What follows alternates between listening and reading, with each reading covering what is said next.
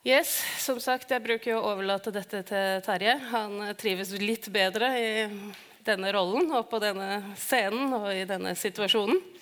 Eh, vi har jo et pastorpar i Stavanger, han Therese og Geir. Eh, når de var nygifte og hadde flytta inn i nytt nabolag og ønska å bety noe for nabolaget. og alt det der. Eh, så han Therese er kjent for denne, dette sitatet, at hun satt der hjemme og ba. og Kjære Jesus, her er jeg, send Geir. Eh, og det syns jeg også ofte er veldig behagelig. Bare, Terje kan bare fikse dette. Eh, vi, som eh, du sa til innledning, syns det er utrolig kjekt eh, å være sammen med dere her på gudstjeneste i Mandal. Terje kommer jo herfra, og vi er her en del helger i året på ferie i hans barndomshjem. og opplever jo at denne menigheten, som vi har fått lov å følge helt fra starten av, er litt sånn som Coop-slagordet. Sånn litt vårt. Eh, og at vi kommer hjem når vi kommer hit på gudstjeneste i ferien. Så utrolig stas for oss å få tilhøre dere og få være en del av dette fellesskapet. Og få komme her, enten vi taler eller ikke, eller uh, uansett uh, hvor vi er hen. Uh, vi har fått lov å ha litt utenforblikket eh, på Nordkirken hall og få lov å be for og heie for, på alt det som Gud gjør her og gjennom dere i Mandal.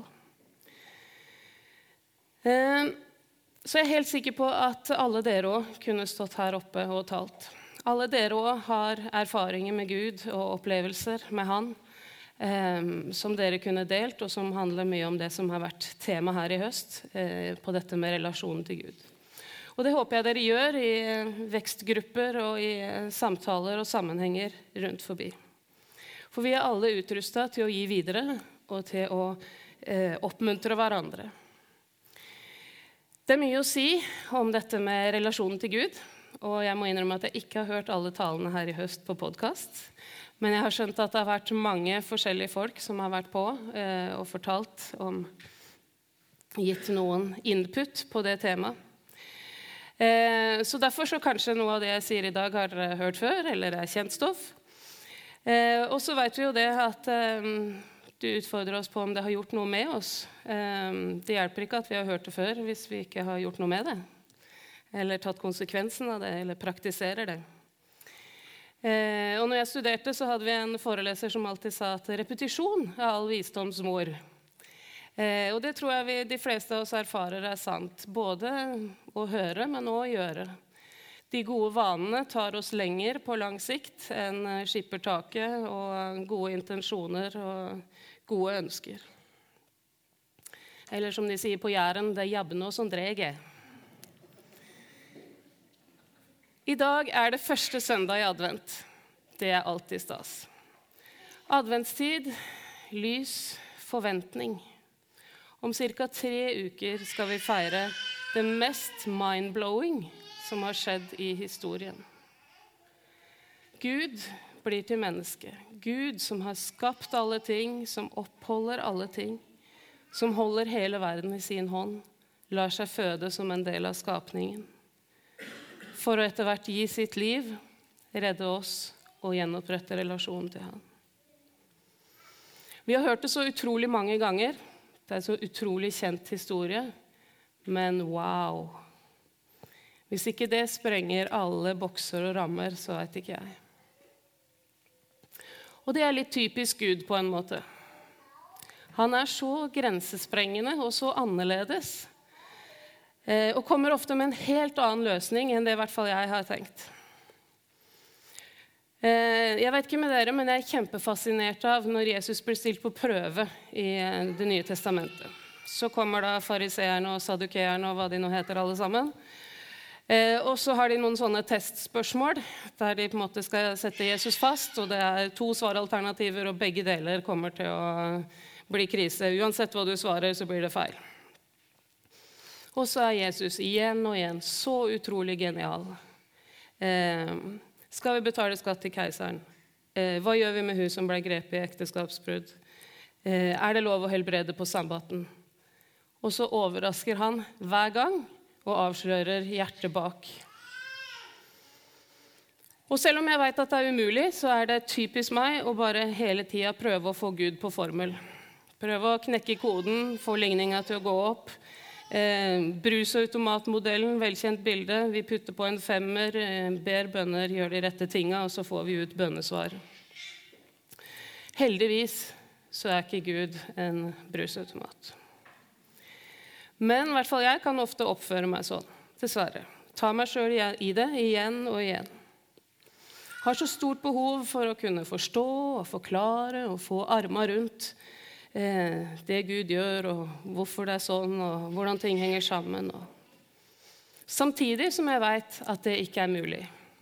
Og jeg vil jo egentlig ikke at det skal være mulig heller. For hvem vil på en måte overgi seg til en Gud som jeg sjøl kan forstå, eller jeg veit like godt hva som er godt og sant og rett, eh, som han? Da blir det jo ikke en Gud som vi kan tilbe, og som vi kan bøye kne for. Da blir jo Gud på vårt nivå. Vi har sikkert alle noen bibelvers som vi kommer tilbake til igjen og igjen og igjen. Og Et av mine sånne vers er Jesaja 55, 8-9. For mine tanker er ikke deres tanker, og deres veier er ikke mine veier, sier Herren. Som himmelen er høyt over jorden, slik er mine veier høyt over deres veier, og mine tanker høyt over deres tanker. Det er et sånn senke skuldrene-vers for min del. For jeg kan ofte få litt høye skuldre av alle burde og skulle og alt jeg skal prøve å ha kontroll på og sjonglere. Og prøve å unngå å gjøre noe dumt eller drite meg ut eller noe i den dur. Ofte så vil vi så gjerne være store. Um, det er på en måte en status å være stor, litt sånn som små unger. De er fem og et halvt år. Det er viktig å liksom være helt nøyaktig hvor, akkurat hvor gamle de er. Men hos Gud så får vi lov til å være små. Vi får lov til å ikke ha full kontroll. Det er ikke en straff, det er en frihet. Det er en glede. Vi skal slippe å ha kontrollen på alt svi av energien vår på å holde universet i bane og ting på G. Gud skal ta seg av det. Han har kontroll, oversikt og overblikk. Vi skal få la det ansvaret ligge hos han, på hans skuldre og ikke på våre. Søren Kirkegård sier om mennesket at det er utilstrekkelig enestående. Vi er ikke skapt til å strekke til. Det er ikke vårt kall over livet. Vi er per def utilstrekkelige og samtidig unike og elska av Gud. Jeg veit ikke med deg, men det å hjelpe meg å senke skuldrene.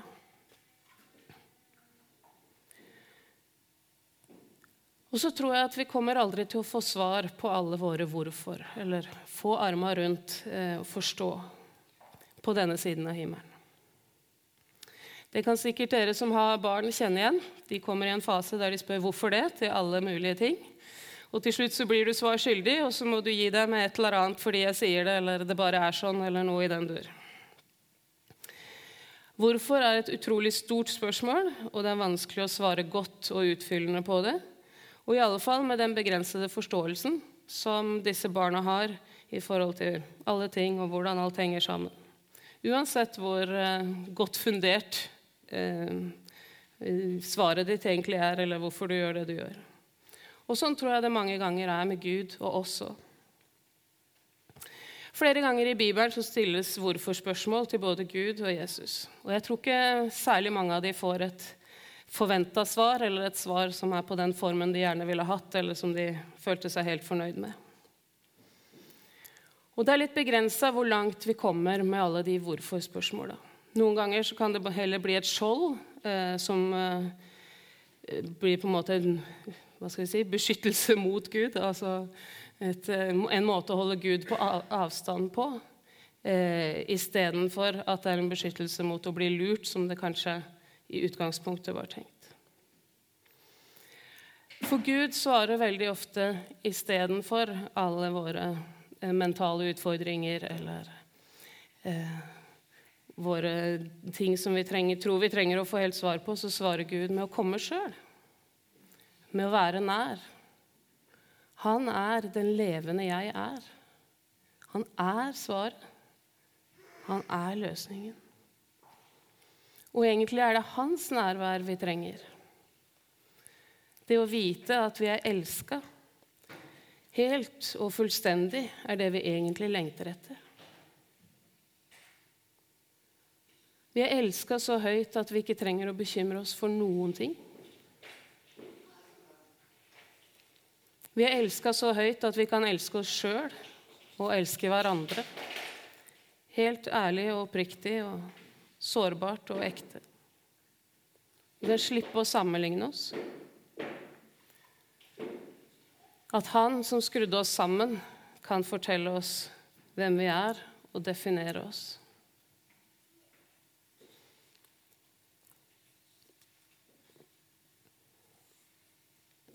Min erfaring er at Gud backer aldri unna når ting blir messy eller komplisert eller krevende. Han er ikke redd for å bli møkkete på hendene. Han frykter ikke det ubehagelige, det ukjente, det utfordrende. Det vonde, smerten, sårene, sorgen, sinnet, frustrasjonen, fortvilelsen osv. Han står midt i alle disse tinga. Men det er jeg som ofte responderer med å trekke meg vekk. Responderer med avstand eller trass eller Å straffe han med å holde min kjærlighet tilbake. Kanskje føler jeg meg fornærma eller indignert eller tviholder på en slags rettferdig harme fordi jeg ikke forstår. Terje og jeg liker ofte å gå på noen kunstgallerier og se på litt moderne kunst når vi er i utlandet. Eh, og når vi kommer ut derfra, så er det kanskje oftere enn ikke at Terje kommenterer 'Vet du hva, det der fornærma intellektet mitt'. og sånn tror jeg Gud gjør litt iblant òg. Og da kjenner jeg, da blir det min bønn, kjære Gud, ikke la meg bli så blinda av sånne ting at jeg blir fornærma, eller at jeg ikke forstår. Eh, at jeg ikke gjenkjenner deg. At jeg ikke gjenkjenner det du gjør. At jeg ikke gjenkjenner ditt nærvær, at du er her. Eh, at du handler. Litt sånn som fariseerne og de skriftleide igjen, som ikke gjenkjenner Jesus, selv om han oppfyller flere hundre profetier i Det gamle testamentet når han er her på jorda. Eh, så går det de hus forbi de virker, selv om de er de som kjenner Skriftene aller, aller best på den tida, eh, kan det utenat, har pugga det fra de var små, eh, så gjenkjenner de ikke Gud når han besøker oss. Hederlig unntak eh, i den gjengen òg, men det var likevel den gjengen som satt i førersetet når det gjaldt å bli kvitt problemet Jesus. Han kom på en så annen måte enn de forventa og forestilte seg at de ikke kjente Gud igjen. Og Vekkelseshistorien nå er full av historier der Gud kanskje fornærmer menneskeintellekt, slår ned på måter vi ikke forstår, eller gjør ting på måter som vi tenker Nei, det der ville jeg løst litt annerledes, ja. Asusa Street og pinsebevegelsen eh, Pinsebevegelsen har holdt det gående Nei, den Assosiasjonen holdt det gående i tre dager, nei, tre år. Natt og dag i tre år eh, det, pågikk det møter i Asusa Street med Den hellige ånds nedslag. Eh, og nå er det 600 millioner kristne i verden som er blitt kristne på bakgrunn av den bevegelsen. Hvorfor starta det akkurat med den unge gutten som ikke fikk lov å gå på bibelskole fordi han var farga? Toronto og lattervekkelsen på 90-tallet. Alle lå i hauger og dynger utover gulvet og lo eller grein eller uh, klarte ikke å bevege på seg. Rar måte å gjøre det på. I Norge har vi f.eks. eller hadde uh, Åge Samuelsen. En uh, fargeklatt som blei litt for mye for pinsebevegelsen og starta for seg sjøl. Helt ut av boksen. Kjære Gud, hjelp meg å ikke havne der, at jeg blir fornærma av det du gjør, eller måten du gjør det på. eller opplever det så urettferdig at jeg ikke anerkjenner det. Og det tror jeg er noe av grunnen til at f.eks. kong David har fått tilnavnet eh, en mann etter Guds hjerte. Han søker Gud for råd. Han venter og han venter på at Gud skal svare. Han øver mens han eh, gjeter eh, sauene for sin far. Um, han handler, han klager og han sukker og han skriker ut uh, sin smerte for Gud. Han danser av glede helt uten tanke for hva alle andre måtte tro og synes og mene. Han går på en smell med Batseba um, og avsier etterpå det sin egen dødsdom, men søker Gud og blir spart. Så får han sønn som han faster og ber for og kler seg i sekk og strie og aske. Gjør, ber om at Gud skal spare denne sønnen. Når sønnen likevel dør, så dusjer han og steller seg og går i tempelet og henger med Gud. Hele livet sammen med Gud. Hans egen stolthet eller fornuft får aldri siste ordet. Ender ikke opp i noe sånn 'nei, dette kan jeg ikke godta', eller 'nå gikk du for langt, Gud'. Han bøyer kne for Guds storhet, for Guds overlegenhet, for Herren.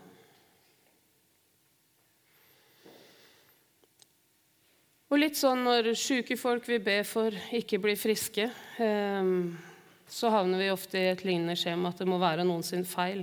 Ellers så klarer vi ikke å holde fast på sannheten om at Gud kan og vil helbrede. Vi tror vi må forklare det, forstå det og har behov for å avklare disse tingene. Og jeg liker Betel Church som sier at eh, når det skjer, så er det tre ting vi ikke gjør, og én ting vi gjør. Vi gir ikke skylda til den som er sjuk.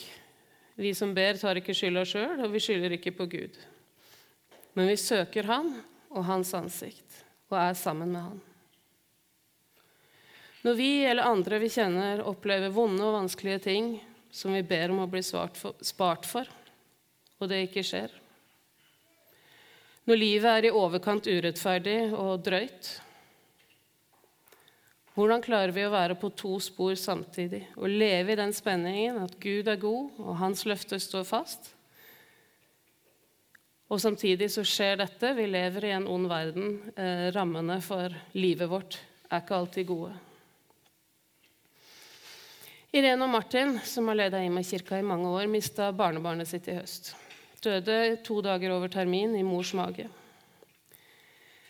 De har stått tett på den lille familien i sorg og savn og smerte. Så forteller Irene at eh, etter noen uker så var hun og Martin på vei til Arendal. Og når de sitter der i bilen, så kom sinnet. Og hun kjører på at det er, liksom, det er en naturlig del av prosessen. Det måtte ut. Så den, på den bilturen Jeg vet ikke om Martin putta noe i øret, men Men hun fyrte ut hele sinnet over denne gutten og alle, alt den har forventa, dette livet som aldri fikk starta, og all eh, sinne over det, over dat se dattera si ha det så vondt, og at hun sjøl har opplevd dette for 30 år siden, og at det måtte gjentas nå, og hele pakka. Hun fyrer løs, tømmer ut alt for Gud og blir der til hun kjenner at han kommer med sin fred. Gud tåler det. Husker en annen gang der Irene fortalte hun skulle inn og ta en hjerteoperasjon. Hun var ganske bekymra og uro seg mye. Og, og så sier hun til Jesus, 'Nå legger jeg meg her på sofaen, og her ligger jeg til du kommer med din fred.' Og der lå jeg i tre og en halv time til Guds fred kom. Og hvert fall Utfordringen min er at istedenfor å øse ut alt dette for han, så er det så lett å trekke seg tilbake, ta avstand, fylle opp det mellomrommet med travelhet eller underholdning eller annen distraksjon. Hvorfor døde den gutten? Veit ikke. Hvorfor tok det tre og en halv time før Jesus kom og fylte Irene med sin fred? Jeg veit ikke. Men David, kong David og Irene er noen av mine forbilder i å søke Gud og være med Han i alt det krevende og vanskelige. Midt i det tilbe ham og ære ham for den han er uansett. Ha tillit til at Gud står med meg i alt det som skjer, og vil være med meg gjennom gode og onde dager. Og Samtidig så tror jeg vi har fått en hjerne for å bruke. For å holde fokus, for å holde tunga rett i munnen. Ikke la oss lure. Til disiplin stå fast på sannheten, holde fast på tilliten. Og til nettopp å stå i de spenningene og de paradoksene uten å alltid måtte forstå og forklare.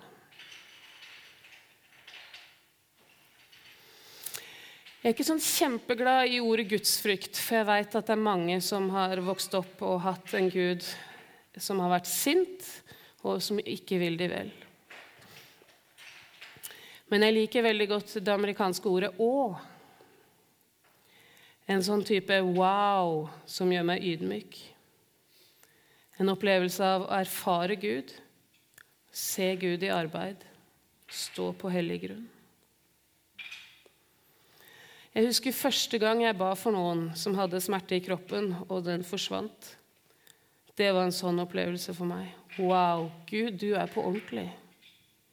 Du fins. Du handler i dag. En sånn opplevelse av å stå på hellig grunn. Og jeg er utrolig glad i bildet av Gud som en uh, god far. Syns det er et av de beste bildene på Gud. Rommer så utrolig mye innsikt og visdom. Og at vi som menighet er hans familie. Og at det er et av de beste bildene på det å være Guds folk. Så vet vi at uh, dette kan være problematisk hvis en sjøl ikke hadde gode fedre eller gode familier. Men likevel så er dette bilder som på en måte rommer så mye sannheter om Gud. Men noen ganger så trenger jeg å hente fram bildet av Gud som kjæresten. Høysangens Gud. Han som gjør hva som helst for å vinne deg og ditt hjerte.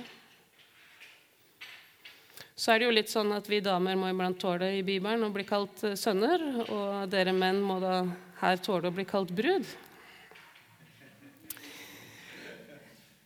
Eh, eh, men det handler jo om det som dere har hatt som tema denne høsten relasjon. Stadig lære Gud bedre å kjenne. Utforske Han og dybdene i Han. Ha en romanse med Gud. Og Gud er så utrolig mye større enn vi kan fatte og forstå. Så mye større enn vi kan tenke oss og gripe. Ei jente jeg kjenner, fikk et bilde eh, som eh, forandra hele hennes gudsrelasjon. Hun så Jesus sitte på kne for å fri til hun, mens hun sjøl var opptatt med tusen andre ting. Ting hun skulle ordne i hus og hjem, og ting hun gjorde for Gud, for menigheten, for eh, tjeneste. Eh, alle mulige ting holdt hun på med, mens han satt der. Det er jo liksom det mest intime, tilstedeværende øyeblikket, et frieri. Eh, så var hun så travelt opptatt med så mange ting som hun hadde på sin eh, dagsorden. Også når hun holdt på litt en stund, så ser hun tilbake, og der sitter Jesus fortsatt og venter på at hun skal være til stede, og hun skal komme nær. Og For hun så ble det en sånn snuoperasjon. Her sitter Jesus og vil være med meg. Han har lyst til å bare bruke tid med meg. Eh, og så er jeg opptatt med tusen andre ting.